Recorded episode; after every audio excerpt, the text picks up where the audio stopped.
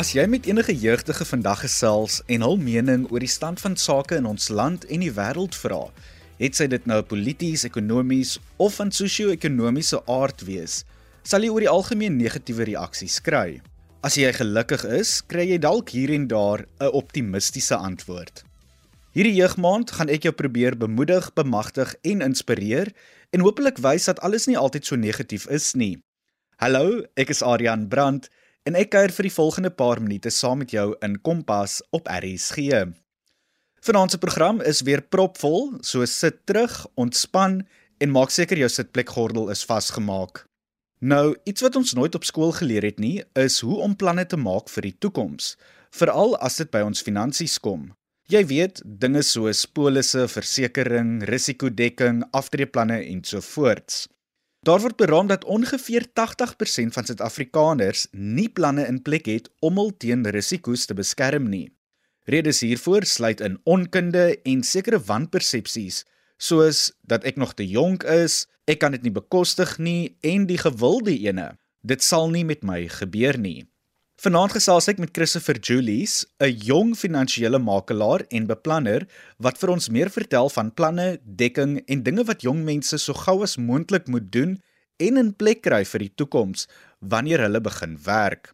Christopher bemagtig ons ook met 'n paar wenke as dit by ons finansies kom. Christopher, jy's 'n finansiële makelaar en beplanner, so jy werk gereeld met mense, maar ook veral jong mense. Wat is die algemene houdings wat jy optel onder jong mense as dit by finansiële beplanning kom? Het sy dit nou goed of sleg wees? Ek sal sê in my persoonlike opinie is dit meerderheid van die keer nie positief nie en as ek sê nie positief nie, sal ek sê is omdat hulle nie goed ingelig is rakende finansiële beplanning nie en daar is ook 'n groot wanpersepsie. En daar's 'n paar redes. Eerstens hulle voel hulle is te jonk om na finansiële beplanning te kyk of aandag daaraan te gee. Uh, hulle voel hulle is finansiëel reg waar hulle tans is nie en ook dis grootliks nie 'n prioriteit vir hulle nie. En ek dink dat hulle groot verskil gemaak het as hulle 'n bietjie meer agtergrond gehad het, kom ons sê soos wat hulle nou groot raak deur hulle ouers, want op 'n vandag as hulle net tyd sal maak om te luister en actually besef hoe belangrik dit is om daardie goeders in plek te hê, maak nie saak wat se ouderdom jy is nie want op 'n ander dag enigiets kan gebeur en dit is waar finansiële beplanning gaan soos ek voorheen gesê het om jouself finansiëel te beskerm sou enigiets gebeur in die lewe wat jou van van koers afvat. Nou, ek het al gehoor van die mantra betaal jouself eerste. Dit spreek spesifiek tot die feit dat jy jou polisse, planne en spaargeld eerste moet aftrek of betaal wanneer jy jou salaris ontvang. Stem jy saam met die mantra? Nee, definitief betaal jouself eerste. Daar's 'n Engelse gesegde wat sê save before you spend. En ek kan nie meer met dit saamstem as wat ek al klaar doen nie. is baie belangrik om elke maand 'n gedeelte van jou inkomste weg te sit, of dit nou is vir persoonlike spaarredes of finansiële planne wat jy in plek het, maar daardie planne wat jy in plek het of die doelwitte wat jy vir jouself uitstel, jy moet daarvoor beplan en jy moet geld wegsit op 'n maandelikse basis. Dit is baie belangrik want as jy vandag daai geld spaar, môre gaan dit weer vir jou help as jy in nood is. Op 'n van die dag ons almal gee geld uit, meeste van die kere op onnodige dinge ensovoorts, maar om iets elke maand weg te sit, al is dit 'n klein bedrag, jy gaan 'n groot verskil maak in die langtermyn. Ons almal weet wat die impak van die COVID-19 pandemie was en natuurlik het dit baie mense geaffekteer veral in terme van werk. Het jy enige gevalle teëgekom waar iemand finansiële planne in plek gehad het voor die pandemie, hul werk tydens dit verloor het en toe hul planne of polisse moes kanselleer? En dan ook, wat is jou raad in sulke gevalle? So in die COVID tydperk definitief ehm um, ek dink ons almal voel nog steeds die effek van COVID wat plaasgevind het in 2020 Daar was 'n paar van my kliënte definitief wat in posisies was waar hulle hulle werk verloor het, pay cuts moes neem as ek nou die Engelse woord kan gebruik. En op 'n ander dag is dit baie belangrik weer eens 'n mens moet maandeliks ietsie wegsit, of dit nou 'n persoonlike rekening is of in 'n spaarplan. Maar daardie geld weer eens as jy vandag dit gaan wegsit, gaan dit vir jou môre help in 'n verknorsing of as jy dit dalk nodig het vir 'n noodgeval. En dit is iets wat nie net ek agtergekom het nie, maar baie baie ander mense in die bedryf is dat mense nie spaarplanne en beleggings het nie. Hulle het nie 'n plan om op terug te val nie. En dit het ook 'n groot verskil gemaak in die posisie waarin mense hulle self bevind het. So ja, paar mense het planne gekanselleer, paar mense of kliënte moes planne heroorweeg, moes dit aanpas sodat die die premium op 'n maandelikse basis meer bekostigbaar is. Maar dit is ook baie belangrik om van die begin af met 'n kliënt te sit en seker te maak die plan wat jy vir uitwerk in hulle begroting is. En op 'n ander dag daar's baie eksterne faktore waaroor ons nie beheer het nie en premium kan seker maar hoe klein wees as daar nie geld is nie, dan is daar nie geld nie. Daar's geen nutte in om 'n groot plan te skryf en dit is lanktermyn raak dit onbekostigbaar. So ja, baie baie belangrik om geld weg te sit op 'n maandelikse basis vir noodgevalle. Soos COVID vir ons gewys het, mense het nie sulke planne in plek gehad nie. Baie mense moes hulle planne gekanselleer het. Maar met dit ook gesê, as jy risikodekking het, is dit nie iets wat jy ooit moet kanselleer nie. Want ons ook gesê ding Murphy's law, so bedra mens planne kanselleer wat vir jou gaan help in 'n sekere situasie, dan gebeur daai ding gewoonlik en dan het jy nie daai plan in plek nie. So weer eens kom dit af op prioriteite. Wil jy eerder 'n maandelikse uitbetaling hê die dag as jy nie kan werk nie of wil jy jou DStv account moet aan die gang wees? Christopher, om geld te spaar is 'n belangrike ding om te doen as jy 'n vaste inkomste het en dit kan gesien word as 'n vorm van finansiële beplanning. Wat is die ander basiese planne of polisse wat jong mense aan moet dink of in plek moet hê as dit by hierdie onderwerp kom? So ja, definitief om geld maandeliks te spaar is baie baie belangrik. Daar's verskeie produkte waarna ons kan kyk vir kliënte. Elke produk sal natuurlik op 'n spesiale manier aangepas word vir elke individuele kliënt om nou natuurlik in ag te neem hulle benodigde prioriteite, doelwitte vir die toekoms ensovoorts. Maar daar is ander planne wat voorkeur moet kry in my persoonlike opinie wat ons noem risikodekking, risikopolisse en dit is planne wat jy in plek sit vir die dag as die onvoorspelbare gebeur. Goeters wat jy nie voor kan beplan nie, maar dit veral kom by jou gesondheid, dood, ongeskiktheid, kroniese siektes ensovoorts. En wat meeste mense soms nie weet nie is dat dit verskriklik duur is om behandeling te kry vir sekere ongelukke, siektes. En ook 'n dag as jy nie meer daar is nie, wat het jy in plek gesit vir jou familie om verder mee van te leef as hulle jou inkomste verloor het? So weer eens finansiële beplanning is basies om jouself in alle aspekte te kan dek sou iets gebeur. Maar dit is maar langtermyn proses 'n mens begin waar jy kan. Jou begroting is belangrik en soos wat tyd aangaan kan 'n mens altyd die planne aanpas en daarop bou so dit is nie 'n saak van jy moet alles van die begin af hê nie. Jy begin klein en jy bou van daar af op. Dit is Christopher Julies, 'n jong finansiële makelaar en beplanner wat saamkuier op Kompas. Het jy planne en dekking in plek vir wanneer iets eienaardigs jou moet tref en wat behels dit als? Laat weet vir my deur vir my te tweet by Arian Brand en ZARSG. Onthou ook om die Kompas hitsmerk te gebruik. Jy is ook meer as welkom om 'n R1.50 SMS te stuur na 45889. Ek het vroeër in die week met 'n paar jong mense gesels en uitgevind wat hul risikoplanne behels en hoe hulle verantwoordelikheid en inisiatief neem om hulself teen risiko's te beskerm. Dis wat hulle te sê gehad het.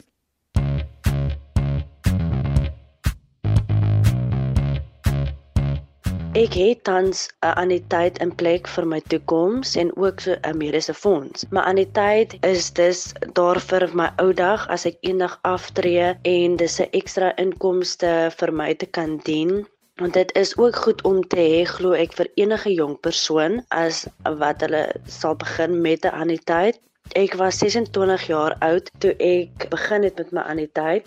My mediese fonds wat ek het, dek die nodige. Ek glo om een te hê met 'n hospitaalplan by wat baie voordelig kan wees. Ek was 22 toe ek begin het met my mediese fonds vir my glo ek enige jong persoon is dit nodig om sulke planne in plek te hê vir hulle toekoms.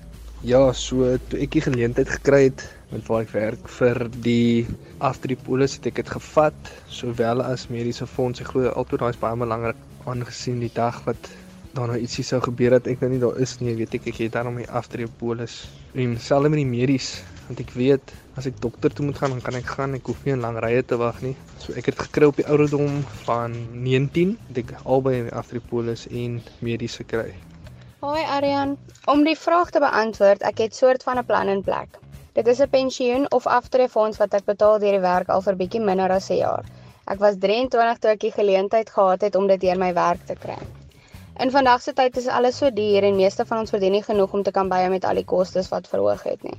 So om 'n deesdae ordentlike medies te kry kos tussen soos R1000 en R2000 net vir een wat 70% van die goed dek en dis nog nie eens met die bybetalings nie. Vir my is dit belangrik om sulke goed in plek te hê sodat ons voorsiening kan maak vir ons ou dag. Daar is 'n paar jong mense wat van hul risikodekking en die belangrikheid daarvan vertel het.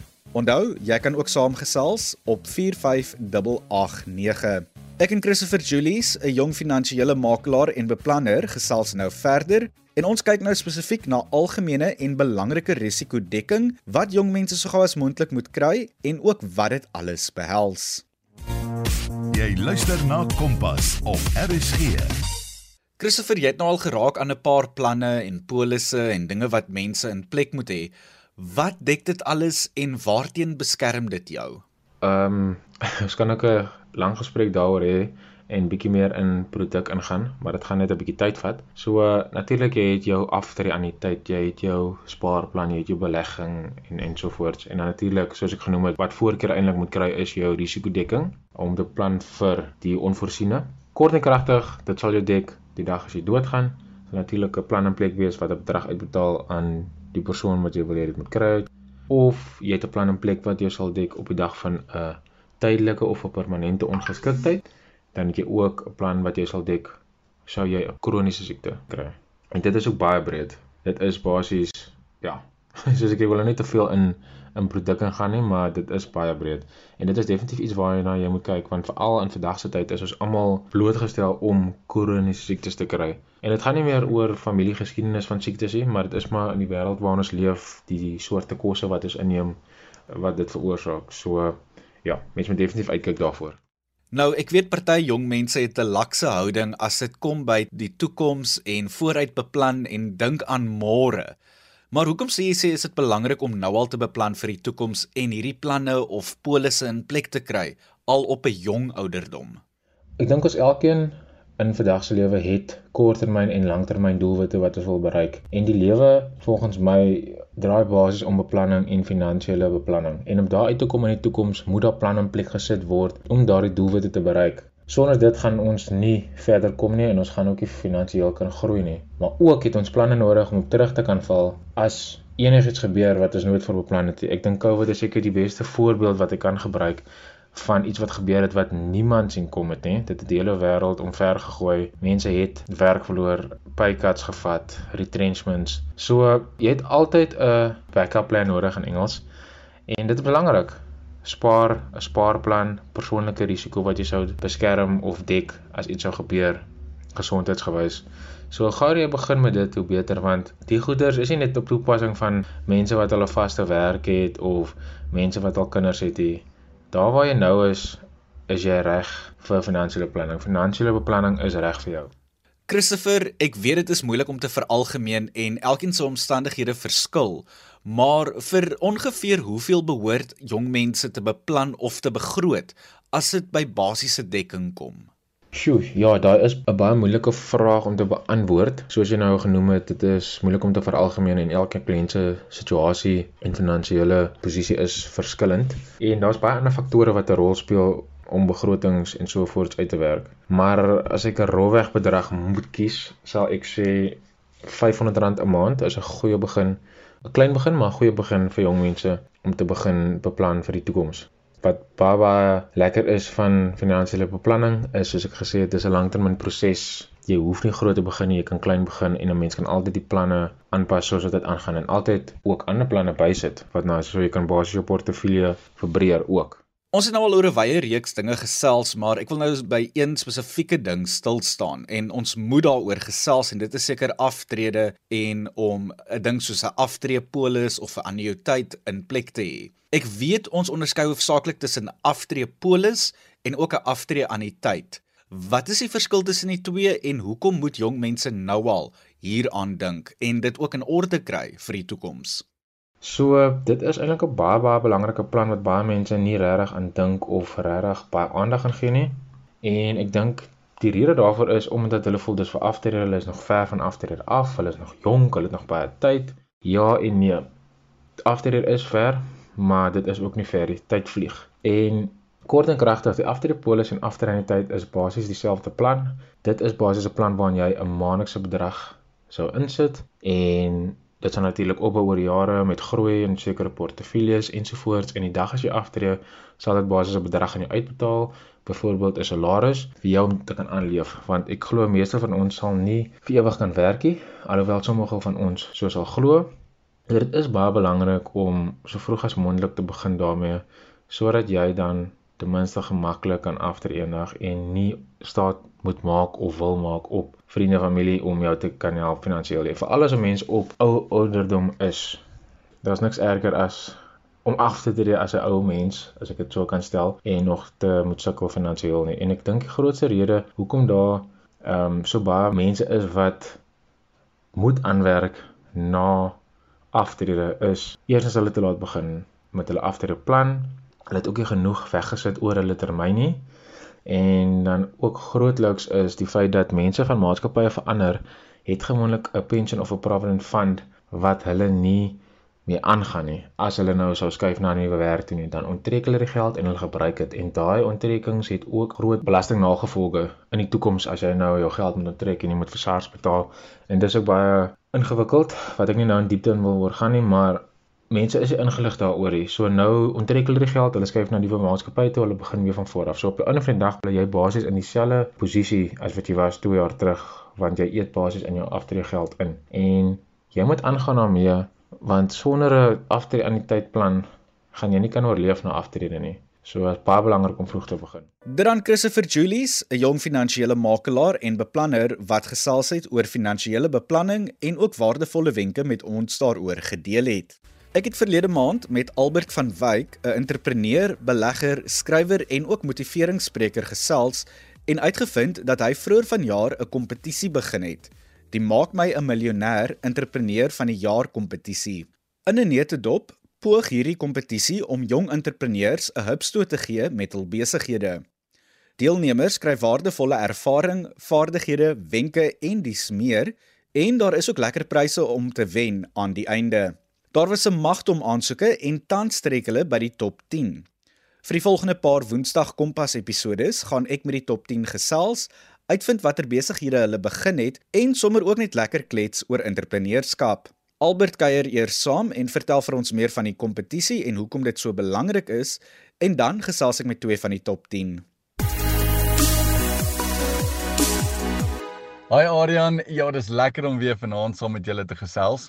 Die doel van die Maak my 'n miljonair entrepreneur van die jaar kompetisie is om die hoërskoolstudente en die jeug van Suid-Afrika te bemoedig, te bemagtig en te inspireer rondom entrepreneurskap. En soos ek by die verskillende skole gaan praat, kan ek my storie met hierdie studente deel. En as ek dit doen, kan ek vir hulle wys dat dit is moontlik. Geen nie om waar jy begin of waar jy vandaan kom nie, om jou drome te bewaarheid en om jou sukses te bereik wat jy graag wil in die lewe. En entrepreneurskap maak dit moontlik. En daarom is dit so belangrik om hierdie entrepreneurskap idees en konsepte met die jeug van ons land te deel. Ek glo dat entrepreneurskap die antwoord is vir die toekoms van Suid-Afrika.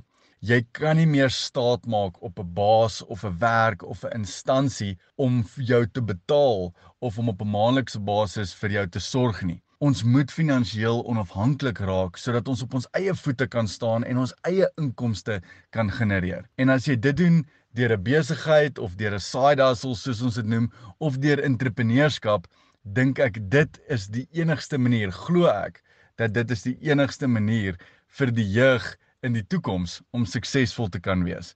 En daarom is dit so belangrik dat ons hierdie konsep van entrepreneurskap deel met ons jong mense sodat hulle voorbereid kan wees vir die toekoms. Ons kan al reeds sien met inflasie en die petrolprys en die ekonomie wat so wisselvallig is, kan jy nie meer staat maak op ander mense. Kan jy nie meer afhanklik wees op ander mense soos jou baas of soos die ekonomie om jou te betaal nie. Ons moet finansiëel onafhanklik word en entrepreneurskap is die antwoord vir dit. So hierdie jaar het ons met die Maak my 'n miljonair entrepreneur van die jaar kompetisie 16 skole oor Pretoria besoek, 16 hoërskole. En ons het met meer as 15000 studente gesels om juis die studente te inspireer, te bemoedig en te bemagtig rondom entrepreneurskap, maar dan om ook daardie entrepreneurs in elke skool te vind wat net 'n hupstoot nodig het, wat net daai bietjie ekstra bemoediging of bemagtiging nodig het om hulle besighede na die volgende vlak toe te vat. So nadat ek toe by al hierdie verskillende skole gesels het en meer as 15000 studente toegespreek het, het daar 80 studente hulle besigheidjies ingeskryf vir die Maak my 'n miljonair entrepreneur van jaar kompetisie. Hulle het videoetjies ingestuur en ons kon kyk na die verskillende besighede uiteindelik is 20 gekies wat dan toe uitgenooi is na 'n brandbank episode toe waar ek en 'n paar ander beoordelaars hulle 'n bietjie moeilike vrae gevra het rondom hulle besighede om te kyk of hulle weet waarvan hulle praat. En uit die 20 wat op die brandbank gesit het, het ons nou ons 10 finaliste. En hierdie 10 finaliste het gewys wat hulle het met hulle besigheidjies om deur te dring na hierdie volgende ronde toe waarin ons nou is. En dit is nou die 10 finaliste wat ons nou elke episode so gaan ontmoet uh, en hoor waaroor hulle besigheidjies gaan. Ons eerste twee lede van die top 10 van die Maak my 'n miljonair entrepreneur van die jaar kompetisie is Danay Schönborn en Mia De Beer. Danay besit Dan Dan's Cookies en Mia het die kunststalletjie begin. Vertel vir ons 'n bietjie meer van julleself en ook julle besighede wat julle begin het. Wat spesifiek is dit wat jou onderneming alles doen? So die kunststalletjie is waar ek nou produkte aankoop en dan daarop verf en dit verkoop. Ek het 'n baie groot passie vir kuns self ook. So Dandans is 'n koekie besigheid waar ek bak en versier koekies vir bestellings en dan bied ek ook klassies aan waar ek mense leer hoe om koekies te versier. Mia en Danai om entrepreneur te word is 'n groot besluit. Waarom het julle besluit om in die voetspore van entrepreneurs te volg? So snaaks genoeg, ek het nie die intensie gehad om 'n entrepreneur te wees nie. Een van die onderwysers by die skool het die geleentheid aan my raak gesien en van daar af het ek besluit dis baie belangrik om entrepreneur te wees want dit leer jou om selfstandig te wees, dit leer jou met geld te werk en dit leer jou om geleenthede raak te sien in jou eie besigheid. Ehm um, van kleins af was ek eintlik nog altyd 'n uh, entrepreneur gewees, altyd goedjies gemaak en verkoop en ehm um, toe ek in graad 6 was, het my ma my na koekie klasie toe gestuur. Toe leer ek hoe om goedjies te versier. Toe oefen ek op my eie tyd sommer om dit te doen en toe begin ek sommer net bestellings skryf van mense in ons omgewing en toe het ek laas jaar besluit om dit nou 'n visuele besigheid te maak, 'n Instagram geskep en alles en toe besluit ek maar net ek dink dit is tyd om in te spring en dit te doen. Nou, beide van julle is hoërskoolleerders. Mia, jy is by die Hoërskool Oosmoed en jy is graad 11 en dan jy is nou tans matriek en jy het ingeskryf onder die Hoërskool Die Wilgers, maar jy homeschool. Hoe balanseer julle alles waarmee julle besig is, soos byvoorbeeld akademie, sport, besigheid, kultuur en al die ander buitemuurse aktiwiteite? Ja, so eintlik ek doen nie enige sport nie, want ek sê altyd vir almal kuns is my sport. So gewoonlik beplan ek soos my week uit deur 'n rooster, so dan sit ek tyd op sy vir my skoolwerk, my leerwerk en dan natuurlik my huiswerk. En dan sit ek tyd op sy soos vir my besigheid om aan my besigheid te werk. En dan het ek ook soos 'n fleksiteit, so vir ingeval iets gebeur wat ek nie beheer het oor nie, skoolaktiwiteite wat ek kan met byneem of ons gaan iewers gaan eet vir 'n familielid. So eintlik is ek op 'n aanlyn skool. Wilgers is 'n baie groot ondersteuner van my besigheid. Ek het al baie besigheid met hulle gedoen. So dit vra hulle my om in te skryf onder hulle. So ja, ek is eintlik heeldag by die huis, ehm um, skool op die rekenaar. So dan in die oggende doen ek my skoolgoeders en dan is ek sommer by die huis om die besigheid te ran. As dit nodig is, jy weet dat ek 'n bietjie moet afval van skool om eerder aan die besigheid te werk, dan kan ek dit maklik doen. Nou, oor die algemeen as ons dink aan entrepreneurs, is daar 'n klomp sinonieme of woordassosiasies wat ons kan maak. Watter eienskap sou jy sê maak van iemand 'n goeie entrepreneur en hoekom? So ek sal sê innoverend en verryking want soos as jy besigheid begin, moet jy 'n unieke idee hê aan jou besigheid waar mense dit sal wil hê. So mense sal gelok wees aan jou besigheid want as jy nie uniek sê van uitstaan van alle besighede is nie, dan gaan niemand jou produk wil koop nie. Ehm um, ek dink as iemand as ek nou die Engelse woord kan gebruik is 'n people person is. So iemand wat weet hoe om met mense te werk, hoe om met hulle te praat, wat om vir hulle te sê om hulle, jy weet, rustig te hou of hulle te kan ooreed om van jou produkte te koop of so. Ek dink dis een eienskap wat 'n entrepreneur moet hê want as jy nie met mense kan werk nie, dan hoe gaan jy jou besigheid met hulle kan deel? Ons almal het groot drome en ek is seker van julle het ook met julle besighede. Wat is dit wat julle nog met julle besighede wil bereik? So, dit is 'n baie groot droom, maar ek wil baie graag my besigheid bekendstel as nasionaal, nie net provinsiaal nie. Ek wil ook 'n baie groot variasie van produkte meer verkoop en ek wil ook graag uh entrepreneurs van my ouderdom ook inspireer om hulle eie besigheid te begin. Ja, so 'n baie groot droom is dat ek mense kan bemagtig om hulle eie besighede te begin deur hierdie koekies want dit is 'n baie populêre ding om te doen en as ek kan klassies aanbied vir klomp mense wat vir hulle dan die skill set gee om dit ook te kan doen en ook 'n klein inkomste te kan genereer. Ja, dit is maar 'n groot droom vir my. Mia Danai, hoekom sal julle ander jong mense aanmoedig om ook entrepreneurs te word? Ons weet die fokus is deesdae al meer op entrepreneurskap. Hoe sal julle jong mense aanmoedig? So, om entrepreneur te wees, dit help jou om finansiëel stabiel te kan wees. Dit help jou om eie geld te maak. Dit help om jou onafhanklik te wees van af jou ouers en selfs enige familielid. Ek moet sê dis regtig lekker om financially independent te kan wees van jou ouers af want dan hoef ek nie vir my ma te vra, jy weet mamma, kan ek asseblief vir jou 20 randjie kry om ietsie te gaan koop nie. Dit is so lekker om te weet jy kan winkel toe gaan, jy kan vir jou koop wat jy wil koop sonder om te voel, jy weet jy moet heeltyd vir mense vra, kan jy 'n bietjie geld kry, kan jy 'n bietjie dit.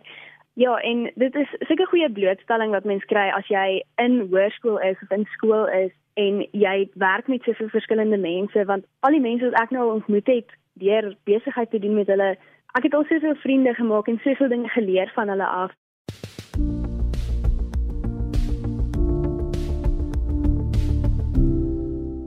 Dran Mia de Beer, 'n graad 11 leerder aan die Hoërskool Oosmoed in Pretoria en ook Danai Schönborn, 'n matrikulant wat aanlyn skool gaan wat beide deel is van die top 10 van die Maak my 'n miljonair entrepreneur van die jaar kompetisie. Soos ek genoem het, sal ons in die volgende paar weke met die res van die deelnemers gesels en uitvind waarmee hulle alles besig is. Nou ja, my tyd saam met jou is verstreke en ek moet groet. Jy kan weer na vanaand se program luister deur dit te potgooi. Gaan na rsg.co.za en klik dan op die potgooi skakel. Soek dan onder Kompas en vanaand se program sal daar te vind wees. Martleen Oosthuizen is môre aand weer aan die stuur van sake en ek staan Vrydag aand in vir Christlyn. Van my kant tot dan, mooi loop.